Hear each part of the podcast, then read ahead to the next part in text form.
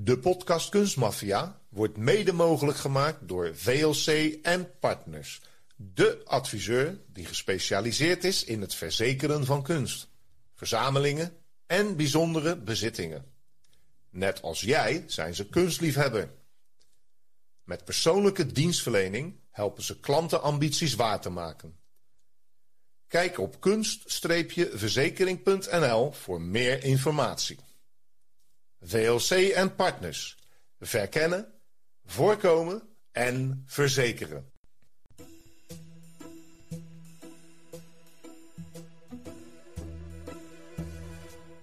Door aanhoudende geallieerde bombardementen in heel Duitsland geeft Hitler opdracht zijn enorme kunstcollectie, bestemd voor zijn toekomstige Führermuseum, voorlopig naar een geheime locatie in de Oostenrijkse Alpen te brengen. In de eeuwenoude gangenstelsels van de Altauzee-mijnen richten de nazi's een ondergronds museumdepot in van ongekende omvang. Maar als Hitler in 1945 vanuit zijn Berlijnse bunker opdracht geeft voor de totale vernietiging van de Duitse infrastructuur, haast een lokale natieleider zich met bomexperts naar de zoutmijn om deze met Europa's meest exclusieve kunstwerken op te blazen. Is er nog iemand die deze ramp kan voorkomen? Dit is Kunstmafia, een podcast over roof, vervalsing en diefstal in de internationale kunst- en antiekwereld met Rick Bouwman en Robert Tetteroo. Met deze keer zaak 20. Althauzee, een explosieve strijd in de Oostenrijkse Alpen. Ja, Robert, en dan hebben we het over het Kunstmuseum. Uh, het supermuseum van Hitler, wat natuurlijk in Linz gevestigd zou moeten gaan worden. Maar de eerste tegenvaller is eigenlijk al in 1942. Hans Posse, de kunstdirecteur van dit museum, kwam te overlijden. Een paar maanden later moest de weinig bekende Herman Vos gebeld worden door Jozef Keubels om de meest begeerde museumbaan van het Derde Rijk over te nemen. Herman Vos, zou die uh, misschien wel eens nee gezegd kunnen hebben? Nee, dat denk ik niet. Want Rick, Hitler kon toespraken houden. Maar Jozef Goebbels was de propagandaminister. Nou ja, die schreeuwde waarschijnlijk zo hard door die telefoon. En overtuigend dat, uh, nou, wat zei hij? Herman Vos, hij was geen lid van de nazi-partij. Maar hij zei wel direct ja tegen Goebbels. En niet lang daarna is hij ook nog eens een toegewijde en loyale kunstrover geworden. Ja, want al binnen een week zit hij tegenover de Führer hemzelf. Hitler zet uiteen wat hij allemaal wenst voor zijn museum in Linz. Doordat de bezette gebieden onder de regie van Vos voorganger al geplunderd zijn, moet hij meer geld uitgeven op de internationale kunstmarkt. Maar geld, dat is voor Hitler geen probleem. Dus Vos kan helemaal zijn gang gaan. Vanaf 1943 koopt hij meer dan duizend schilderijen aan. Met de inval in Vichy Frankrijk en Hongarije dienen zich nieuwe mogelijkheden aan om te plunderen. Maar als Hitler in september 1943 met 30 divisies Italië binnenvalt, ja, dan belooft hij de kunstschatten wel met rust te laten. En ja, Vos zal misschien gedacht hebben: wauw, dit is Italië, dit is het land van de cultuurschatten. Maar nee, Hitler laat de wereld zien dat hij een Kunstschutz opricht. Die moet toezien dat alle kunstschatten in Italië met rust gelaten worden. Heel veel van de kunst wordt opgeslagen in het neutrale Vaticaanstad. Het neutrale Vaticaanstad. Dat blijf ik toch altijd wel bijzonder vinden. En een klein vraagtekentje erachter. Maar Robert, ook deze oorlog wordt niet uitgevochten met witte handschoenen aan. Zo wordt Milaans oude centrum gebombardeerd, evenals de middeleeuwse binnenstad van Pisa. En als door een wonder blijft die scheve toren van Pisa gewoon staan. Weliswaar scheef, maar hij bleef staan. Toch wordt een selectie kunstschatten uiteindelijk uit het Uffizi Museum in Florence veiligheidshalve, tussen aanhalingstekens, alvast naar de grens van Oostenrijk gebracht. Ja, en als je ooit in het Uffizi Museum bent geweest, ja, dan daar zitten alle klassieke middeleeuwse Italiaanse meesters zijn daar vertegenwoordigd. Hè. Dat is uh, fantastisch mooi. Maar wat ook uh, helemaal fout loopt, dat is het wereldberoemde Monte Cassino klooster. Daar zijn ook vele kisten met schilderijen verdwenen, antieke boeken en andere kunstschatten. Vlak voor de geallieerden het plat bombarderen.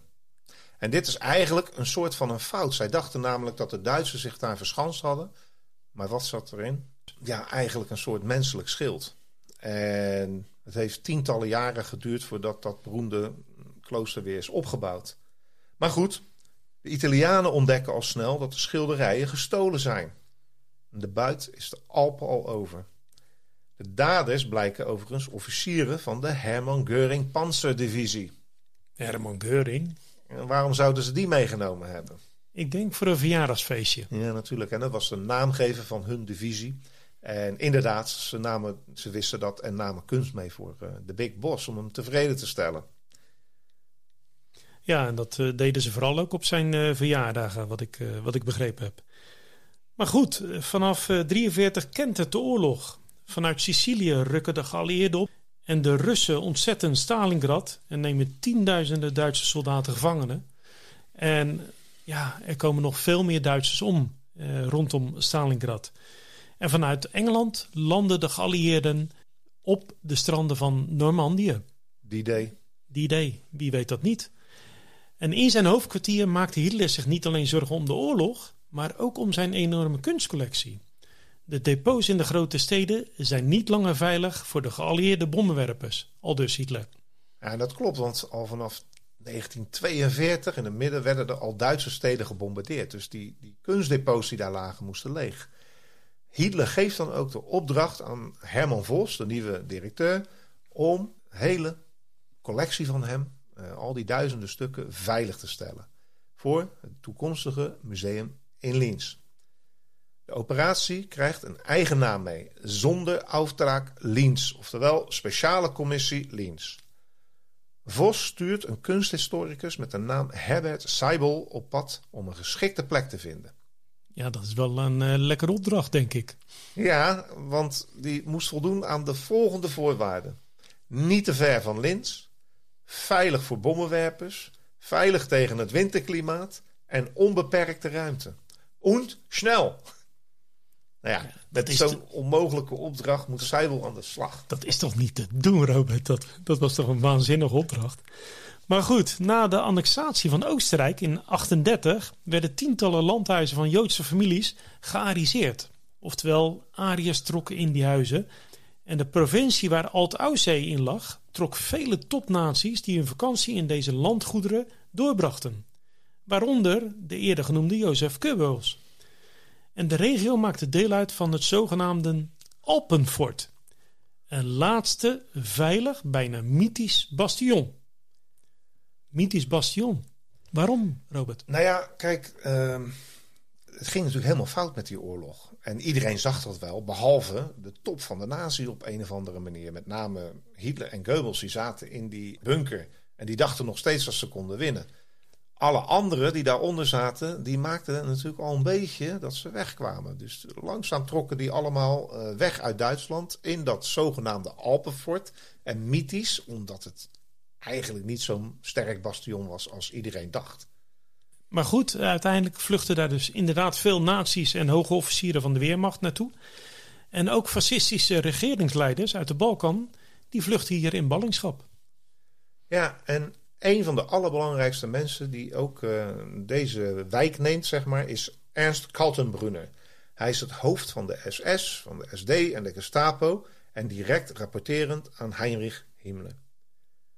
Hij verhuist tussen aanhalingstekens in april 45, nou dit zijn echt de laatste dagen, van zijn hoofdkwartier in Berlijn naar een van de villa's nabij Altauzee.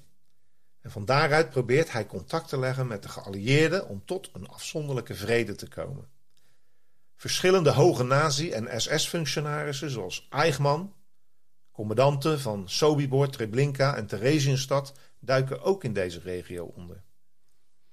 Die Eichmann trouwens, dat is ook een bijzondere.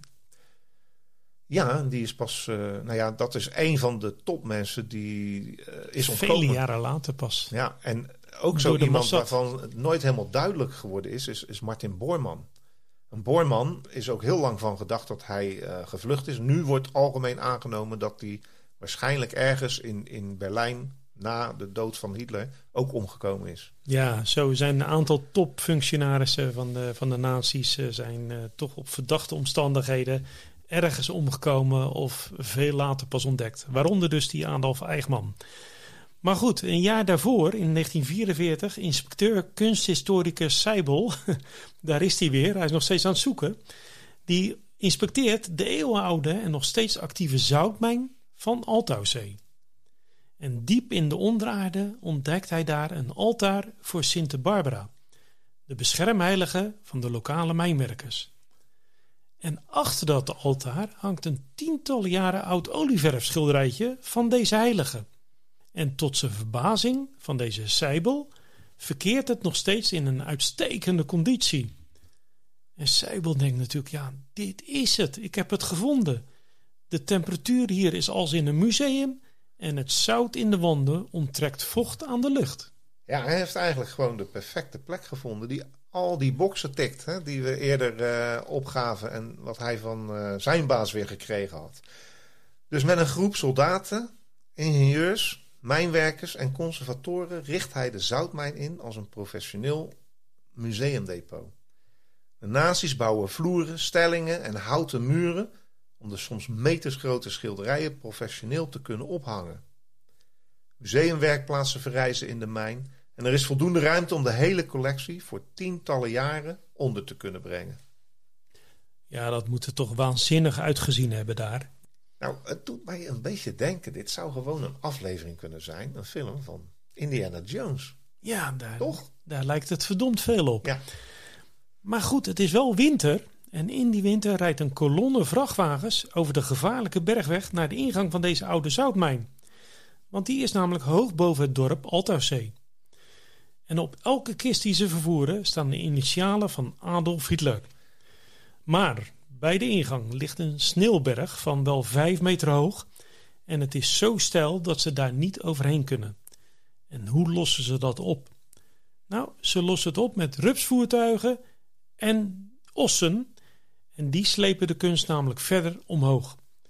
En vanuit München komen 1687 schilderijen. Ja, de Duitsers waren heel secuur, dus ze wisten precies hoeveel schilderijen. En vanuit Neuschwanstein kwamen 922 kisten vol met museumstukken. Ja, en allemaal bestemd voor dat supermuseum. Maar goed, net zoals in het Rijksmuseum hier in Amsterdam, is er een eregalerij. En nu even een paar stukken, Rick, ehm, die Hitler daar heel graag in zijn museum had uh, willen zien. Dat was allereerst het Lam Gods. Een Belgisch beroemdste kunstwerk van de gebroeders van Eyck. Vlak voor de Duitse terugtrekking werd die nog even snel meegenomen uit de kathedraal van Gent. En er wordt zelfs een speciale kamer ingericht in de zoutmijn, omdat dat ding is nog een stuk groter bijna dan de nachtwacht, te kunnen plaatsen. Wij hebben het zelfs gezien. Ja, uh, ik, ik, ben er een uh, keer geweest, uh, twee keer zelfs. En nou ja, dat Lam Gods, dat is, daar kun je een, nou er zijn wel tien boeken over geschreven. En daar gaan we ook zeker nog een keer terugkomen, denk ik, Rick. Een ander stuk wat heel beroemd was, ook uit België, Kathedraal van Brugge. Daar stelen ze het wereldberoemde marmeren beeldhouwwerk, de Madonna met het kind. En volgens mij is dat van Michelangelo. Ja, dat is de beroemdste beeldhouwer. De man die Precies. zei van hoe kun je dat toch maken? En dan zei hij van, nou ja, het zit al in die rots, ik moet het er alleen nog uithakken. Samen met Vermeers, de astronoom overigens, zouden deze stukken de eregalerij moeten vormen in het Vurenmuseum. Nou, de astronoom, dat was uh, inderdaad het lievelingsstuk van Hitler.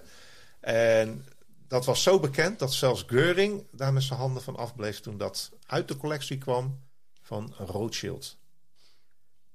Ja, en in de laatste dagen eh, zit Hitler in de Berlijnse bunker weg te dromen boven de enorme maquette van zijn Liensmuseum. En samen met Albert Speer bekijkt hij zijn grafmonument dat in een centrale toren van dit museum zou moeten komen. Zijn kunstcollectie ziet hij als zijn grootste nalatenschap. En ondertussen stort Duitsland aan alle kanten in elkaar. Begin april heeft hij het bevel gegeven tot vernietiging van de gehele Duitse infrastructuur. Ja, ook wel gezegd verschroeide aarde. En later werd het natuurlijk ook wel het uh, Nero effect genoemd. En we weten nog wel Nero, de Romeinen. Dat verhaal kennen we ook wel. Alles in brand steken. Ja, dat was. Uh, dat, uh, dan werd er Rome in brand gestoken. En dat, daar vergeleken ze later mee. Uh, Nero werd toen eigenlijk ook beschuldigd van dat hij dat zelf had gedaan. Dat hij het opnieuw wilde opbouwen. En dus het Nero-bevel. Precies. Nou ja, dit bevel werd dus uitgestuurd naar alle kouleiders. Oftewel de regionale partijleiders die het Derde Rijk besturen. En zo kreeg ook gauwleider August Eichruber van Altaussee de enorme kunstcollectie die in de gelijknamige mijn ligt opgeslagen, die zou vernietigd moeten worden. En zo besluit hij ook. Ja, en dat was natuurlijk de vraag of dat echt nodig was. Want uh, is dat infrastructuur? Maar ja, alles moest weg. Nero bevel. Even terug naar een hele andere zaak. Onze grootste plunderaar van allemaal, Herman Geuring, die ziet het Rode Leger en dus ook de Russische trofeeënbrigades zijn landgoed en Karinhallen snel naderen. Hij laat de meest waardevolle delen van zijn collectie afvoeren naar een station waar twee privétreinen klaarstaan. Ook hier zijn de aantallen zeer secuur. 1375 van zijn mooiste schilderijen, 250 beeldhouwwerken, honderden antieke meubels en tapijten en gobelins gaan op transport. Wat een waanzinnig grote treinen zijn dat trouwens geweest dan. maar goed, eh, op 20 eh, april komt Keuring nog één keer langs op een mistroostige verjaardag van Adolf Hitler zelf. Die zich nog altijd verschanst natuurlijk in die Berlijnse bunker. Hitler is inmiddels geen schim meer van zichzelf en hij besluit daar tot het einde te blijven. Herman Geuring heeft hele andere ideeën. Die dacht van nou, ik eh, feliciteer je en ik ben weer weg. En hij excuseert zich dan ook voor een dringende zaak in Zuid-Duitsland. En dringend tussen aanhalingstekens. Want waar hebben we het dan over, Robert? Nou ja, ik heb wel uh, een uh, stukje gezien over. Nou ja, het werd nagespeeld over die laatste uh, bijeenkomst. En iedereen moet opdraven. Ook Himmler, Goebbels is er al. en Hitler, die, daar is een aanslag op gepleegd. Dat zou je misschien wel kennen, dat verhaal. En die, na die tijd trilt hij met die hand en die gaat zo tekeer. En als je de film, uh, heet het niet, De Bunker, ziet, ja, dan zie je dat hij helemaal aftakelt, trilt, schreeuwt, uh, agressief is. En ja, en dan, wat is dat voor een feestje geweest? ik denk, waar, de, waar de kalk naar beneden valt bij elke inslag. Ja, ik denk dat iedereen stond te trillen op zijn voeten van, we moeten hier zo snel mogelijk weg. Ja, en uh, Herman Keuring uh, die uh, gaat dan als een van de eerste vertrekt hij inderdaad weer. En de volgende dag komt hij aan bij zijn trein vol roofkunst. Hij stopt daarbij een aantal miniatuurschilderijen van 17e-eeuwse meesters in de persoonlijke bagage van zijn vrouw Emmy. En zelf neemt hij ook een van zijn meest geliefde werken mee. Christus en de overspelige vrouw. Het topstuk van Vermeer. Ja, jij lacht er al om. Dan gaan we zo vertellen waarom. En de oplettende luisteraar van het eerste seizoen weet al uh, ja, wat hier gaat gebeuren. Nou goed, toch geeft Keuring de opdracht om Karinhallen op te blazen. Inclusief de achtergebleven kunst. Nou ja, in de vorige aflevering, Rick... Roze Valland. Die is daar nog even op teruggekomen. En degene die de aflevering hiervoor geluisterd hebben, weten dat. Mocht je nog niet geluisterd hebben, zou ik zeggen van zeker doen. Want het is ook een hele mooie en leuke aflevering. Maar Roze die gaat erop uit. En die weet in de Karinhallen nog een aantal stukken boven water te krijgen.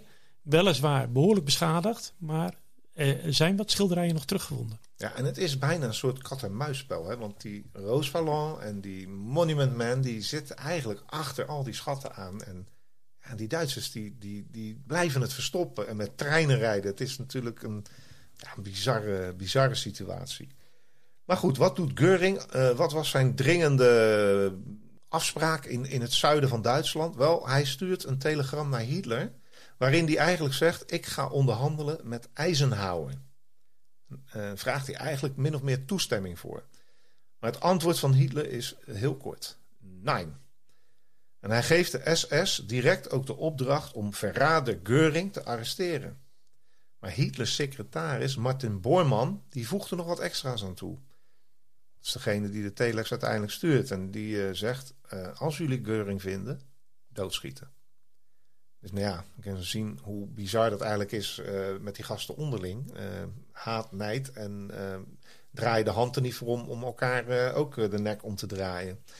Geuring vlucht naar Oostenrijk. Bestemming het Alpenfort. Ja, en zijn trein wordt ondertussen nog behoorlijk leeggeroofd door diverse burgers en, en militairen. Maar op 10 april 19 45 worden tien verlaten kisten door een groep SS'ers de zoutmijn binnengedragen. Tien verlaten kisten. Ja, die nog uh, even bezorgd moesten worden. Die kwamen nog aan. Maar wat is er mee aan de hand? Nou, om de aanwezige kunstexperts al daar te misleiden, staat er op de kisten voorzichtig, marmer, breekbaar.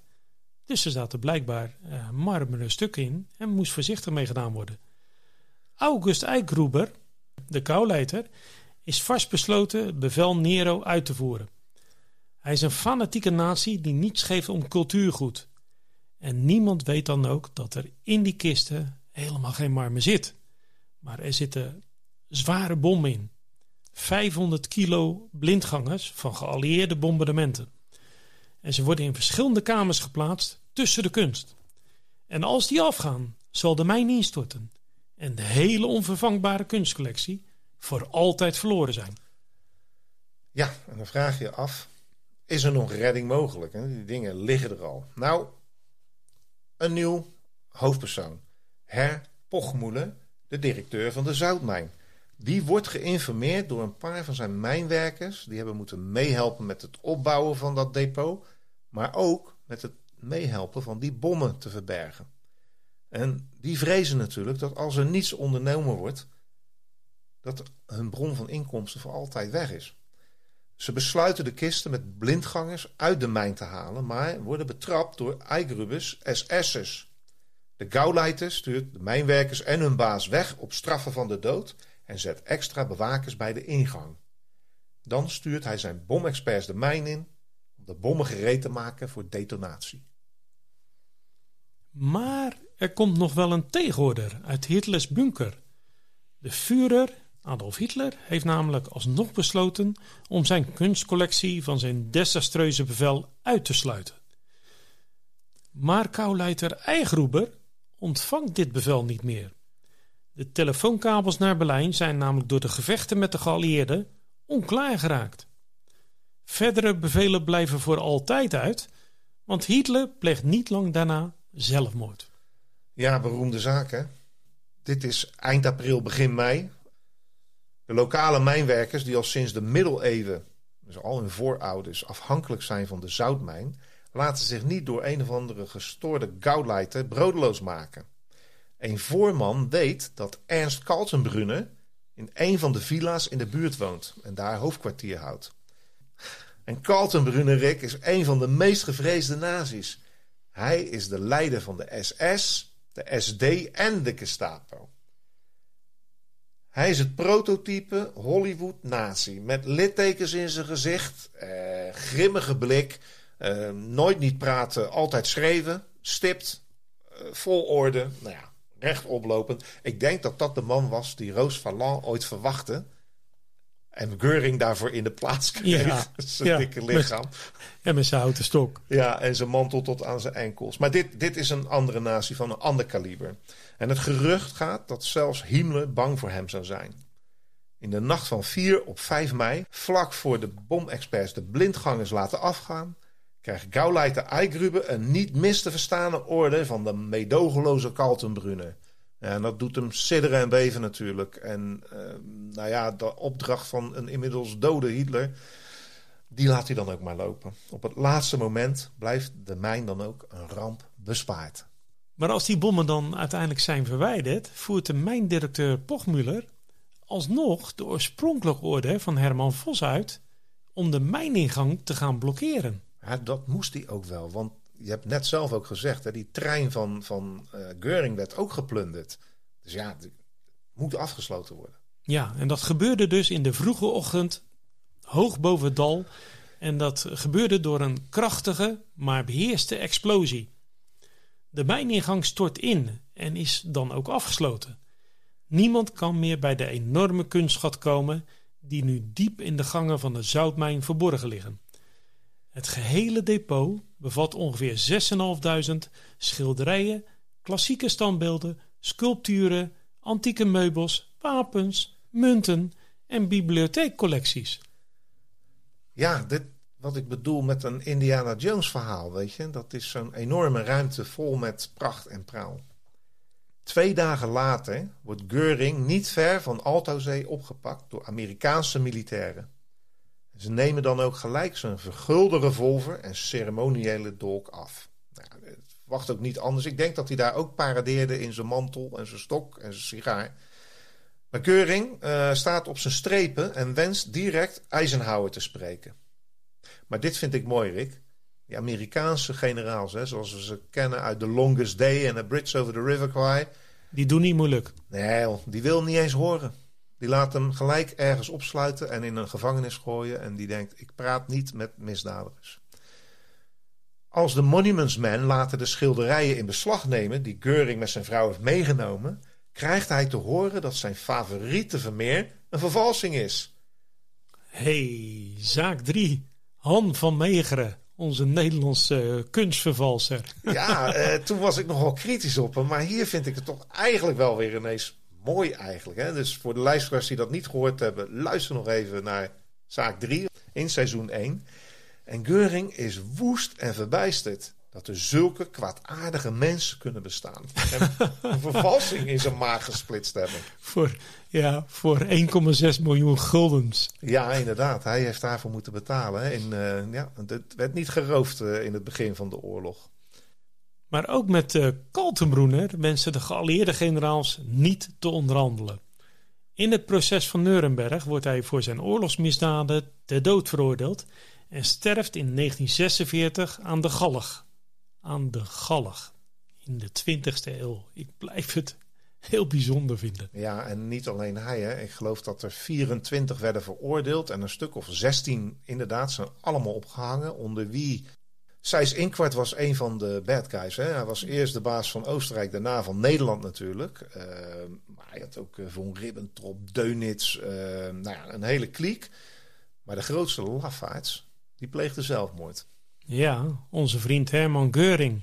De avond voor de executie pleegde hij zelfmoord. Hij vond het niet terecht dat hij aan de galg zou moeten hangen.